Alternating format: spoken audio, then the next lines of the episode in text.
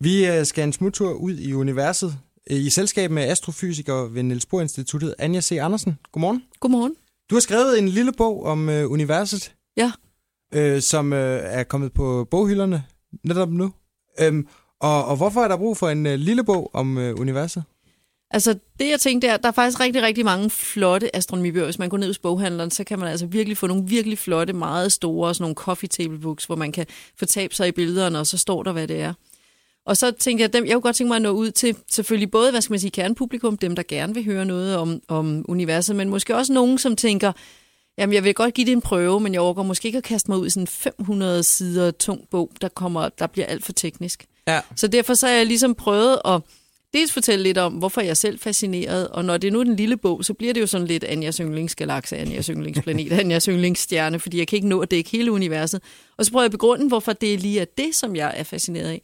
Og så prøver jeg lidt at Håbet er, at det lykkes mig at tage folk lidt med på arbejde og prøve at fortælle dem om, hvordan er det så, at vi finder ud af ting. Hvorfor er det, vi er fascineret af det, og hvordan finder vi ud af det, vi mener, vi ved. Og hvad, hvad, hvad ved vi, vi ved, og hvad mener vi, vi ved, og hvad prøver vi at finde ud af, altså hvis det giver mening. Der er sådan lidt, at der er noget, vi sådan er rimelig sikre på, sådan er det, og så er der jo rigtig meget, hvor vi tænker, det er nok sådan her, men vi er ikke helt sikre. Og så fortælle folk, hvorfor er vi ikke helt sikre, og hvad skal der til, for at vi bliver sikre? Jeg vil godt lige have lov at sige tak, fordi jeg har taget din bog, øh, en lille bog om universet. Jeg har en øh, dreng på 8, der er meget fascineret af sorte huller. Og jeg, øh, jeg hopper lidt ombord i Wiki og læser, og så får du så fint beskrevet, hvad, hvor meget et sort hul sådan kan, sådan massemæssigt, altså hvor, hvor, hvor hæftigt det er, ikke? Og hvis vi leger, som du skriver her, en rumraket skal have en hastighed på 40.320 km i timen for at kunne flyve væk fra jorden. Hvis man nu skulle lette fra øh, et sort hul, så skal man flyve cirka en milliard kilometer i timen, fordi den simpelthen holder så meget. Altså, der er så stor tyngdekraft. Ja. Det er ret vildt, var. Hold da op. Det er et godt billede at male. Men, øh, men det er vel også øh, sådan nogle meget abstrakte størrelser, man skal forsøge at, at sådan få gjort så konkrete som overhovedet muligt, når vi taler om universet. Sådan, Jo, jo, men det er jo også det, der er fascinerende. Det ja. er jo, at det er så, altså, så mærkeligt på en eller anden måde. Ikke? Og der er jo også nogle af de ting, vi finder ud af om universet, som jo er så mærkelige, og det er jo det, jeg gerne vil dele med folk. Sådan, så man så næsten tænker, altså hvis man sad over for en psykiater og fortalte, jeg tror, at verden hænger sådan sammen, ikke? og man ligesom ikke havde de der observationelle evidens for, at det var sådan, så ville de jo tro, at man var fuldstændig bindegal, altså på en eller anden måde. Og, og, og, og, og der tror jeg, som mennesker, vi har jo altid været meget fascineret af det der med, hvor kommer vi fra? Ja. Og hvad er meningen med livet? Ikke? Og det er jo det, vi er lidt ude og, og røre. Vi prøver at skrive den helt store historie, som hvor kommer alting fra? Hvor kommer grundstofferne fra? Hvordan blev jorden skabt? Hvordan er det hele kommet til? Og det tror jeg altså, man har siddet og undret sig over lige siden stenalderen. Ja.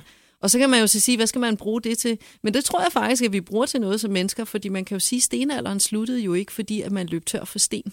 Jeg tror, at stenalderen sluttede, og vi kom videre, fordi folk sad og undrede sig, og så fandt de ud af nogle ting, som de kunne bruge til noget. Så det er det, der driver os frem som mennesker i virkeligheden. Når du nu har siddet øh, en øh, arbejdsdag og øh, spekuleret over, hvor, hvor stort universet er, eller noget af den du er det så ikke svært at holde øh, jordforbindelsen? Og sådan, øh, og sådan øh, tænke på, nå, der er jo også, øh, jeg skal også lige finde ud af, hvad jeg skal have til aftensmad og den slags. Jo, altså nogle gange kan det jo så være helt rart at komme til sådan noget fuldstændig lavpraktisk. Øh, og, og nogle gange kan det være super irriterende, fordi hvis man lige har, altså hvis man lige sidder og arbejder med noget, og man enormt gerne vil gøre det, gøre det færdigt, så kan det, blive, så kan det være sådan lidt irriterende at blive revet ud af det og komme tilbage til virkeligheden, men nu skal der hentes nogle børn, og der skal købes noget, og der skal laves noget aftensmad. Mm. Øhm, og jeg må indrømme, nogle gange synes jeg, det er enormt svært at rende rundt ned i Netto og tænke over, hvad skal man så lave til aftensmad. Og så kan jeg blive helt forvirret, hvis der så er en eller anden, der ind over frysedisken siger, er du ikke Anja Andersen? Jeg læste det der om sorte huller, jeg undrede mig, jeg tænkte, Puh, jeg tror slet ikke, jeg kan tænke på sorte huller lige nu, fordi lige nu prøver jeg at finde om jeg skal købe to eller tre liter mælk. øhm, så, så jo, altså der er et skisma, men, men det er jo også enormt, altså jeg er jo enormt glad for, at andre mennesker jo også bliver fascineret og tænker med. Mm. Også folk, som ikke er astronomer, de faktisk også går og spekulerer lidt over, jamen, hvordan hænger det sammen, og giver det, giver det mening? Men du blev jo heller aldrig rigtig færdig med dit arbejde. Altså, der er jo hele tiden et, et lille skridt. Du når hen til noget, så kan man komme videre. Ja, så det kan man jo en gang imellem, så kan man jo godt tænke, at det er bare fuldstændig omsonst, ikke? Fordi så bruger jeg hele mit liv på det, og så er vi blevet forhåbentlig en lille smule klogere. Men det er jo ikke sådan, at så er det udtømt, og så kan alle mine studerende godt gå hjem og, og, og gå i seng, fordi så er der ikke mere at finde ud af.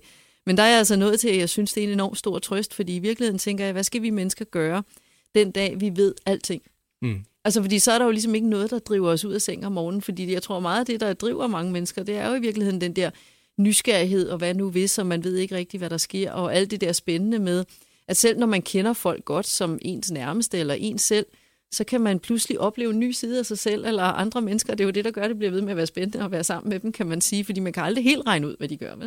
Der er altid den der lille grad af uforudsigelighed. Det tror jeg faktisk godt, vi kan lide. Vi har stadig besøg af Anja C. Andersen, astrofysiker ved Niels Bohr Instituttet og forfatteren bag en øh, lille bog om øh, universet.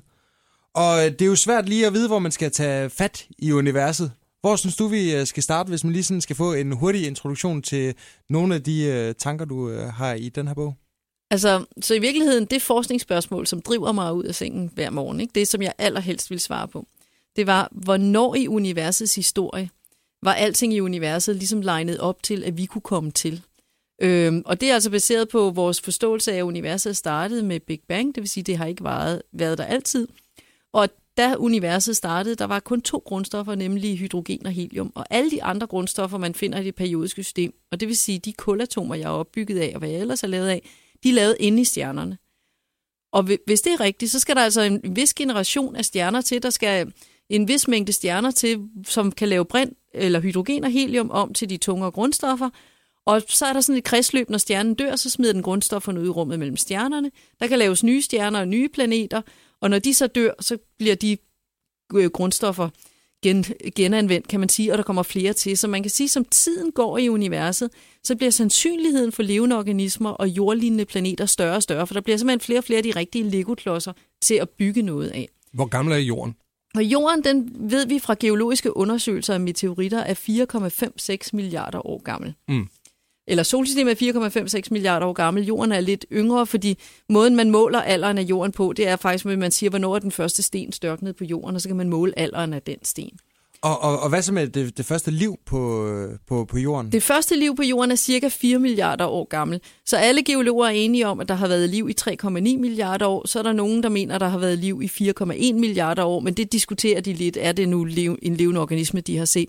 Og der er problemstillingen, at liv har jo været en succes på jorden, så det vil sige, at alle os levende organismer, vi går på en eller anden måde rundt og forurener sporene fra de første levende organismer, så det kan nogle gange være svært at finde ud af, har man så en organisme, der er 4,1 milliarder år, eller var den 3,9, eller var den 3,7, altså, fordi dateringen kan være svær. Ikke? Men stort set lige kort tid efter jorden blev dannet, har vi haft levende organismer, så, så jordens udvikling og livets oprindelse har gået hånd i hånd, og livet har påvirket jorden, sådan så at jorden er, som jorden er i dag, fordi de levende organismer jo for eksempel har forurenet jordens atmosfære med ilt, som er det, der har givet os granitstenene, som er det, kontinenterne er blevet dannet af, som har skabt den mulighed for levende organismer, at de har kunne kravle op på landjorden og være der. Ikke? Så, så på den måde har vi terraformet jorden til at blive et godt sted for sådan nogen som os. Og, og jorden, den er, som du siger, omkring 4 milliarder år gammel. Øh, og i, hvis man sådan kigger i forhold til Big Bang, er, er, er jorden så en øh, teenager eller et spædbarn i, øh, i forhold til den her planetdannelse? Ja, altså, så, så vi mener, at universet er 13,7 milliarder år gammelt. Ikke? Så det vil sige, at jorden er altså kommet til 8 milliarder år efter universet blev dannet. Det vil sige, at vi har været her en tredjedel af universets alder.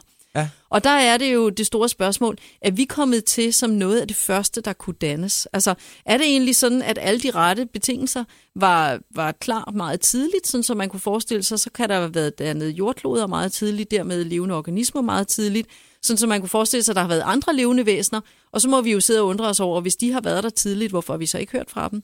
Eller er det i virkeligheden en meget langsomlig proces, som noget tyder på, sådan så man kan sige, Nå, der går bare 8 milliarder år, inden universet ligesom er klar til, og det har alt det, der skal til, for at man kan begynde at lave de første jordkloder og sådan nogen som os. Og så er vi måske blandt de første generationer af levende organismer i universet. Og så skal vi måske ikke sidde pænt der i balsalen og vente på at blive budt op. Så er det faktisk os, der skal ud og byde de andre op til dans. Og det vil sige sende signaler ud og fortælle, at vi er her, i stedet for at vi bare sidder passivt og venter på, at de skal komme til os. Hvordan vil man, øh, synes du, sende det bedste signal ud i rummet? Ja, altså det, det er jo faktisk, det holder vi faktisk videnskabelige konferencer om. Mm. Dels, hvem er det, der skal sende signalet ud, og dels, hvad skal man sige? Øh, og der vil jeg jo som forsker synes, man skal i virkeligheden sende en kode om, hvordan ser DNA-molekylet ud. Fordi hvis man sender dem DNA-molekylet, så er de mulighed for at forstå, hvad vi er for en organisme. Der vil militærfolk sige, Anja, du er blevet fuldstændig vanvittig, fordi hvis du sender dem det, så har du vist os vores største svaghed. Ikke? Så, så kan vi jo besejre os i løbet af ingen tid, så ved de præcis, hvad vi er for noget. Er det sådan noget, I snakker om? Ja, det er sådan noget, vi snakker om. Altså, skal man, skal man vise sine svage sider eller ej? Ikke? Det ja. kommer jo lidt an på, hvem der bestemmer. Og der er internettet jo, og radiostationer som denne her, jo meget interessante. Fordi vi kan jo godt sidde og diskutere, at det er Donald Trump, den nye præsident for USA, der repræsenterer jordens befolkning bedst, eller er det Putin, eller er det generalsekretæren for FN? Hvem er det, der skal tale på menneskehedens vegne? Men i virkeligheden er vi jo der, hvor hvem som helst skal jo sende et radiosignal ud i rummet og sige, her er vi ligesom internettet, at det er faktisk ustyrligt. Hvem som helst, der kan jo faktisk skrive ud lige præcis, hvad de har lyst til i den retning, som de nu har, har teknik til at sende beskeder ud. Ikke? Anja C. Andersen, du er på øh, boghylderne med bogen, der kan introducere øh, lytterne for universet. En lille bog om universet hedder den. Ja. Og på Anjas opfordring øh, læst med åben sind, der er alt fra asteroider til, til planeter og mørke huller og meget andet godt. Tak for besøget den her morgen, Anja. Selv tak.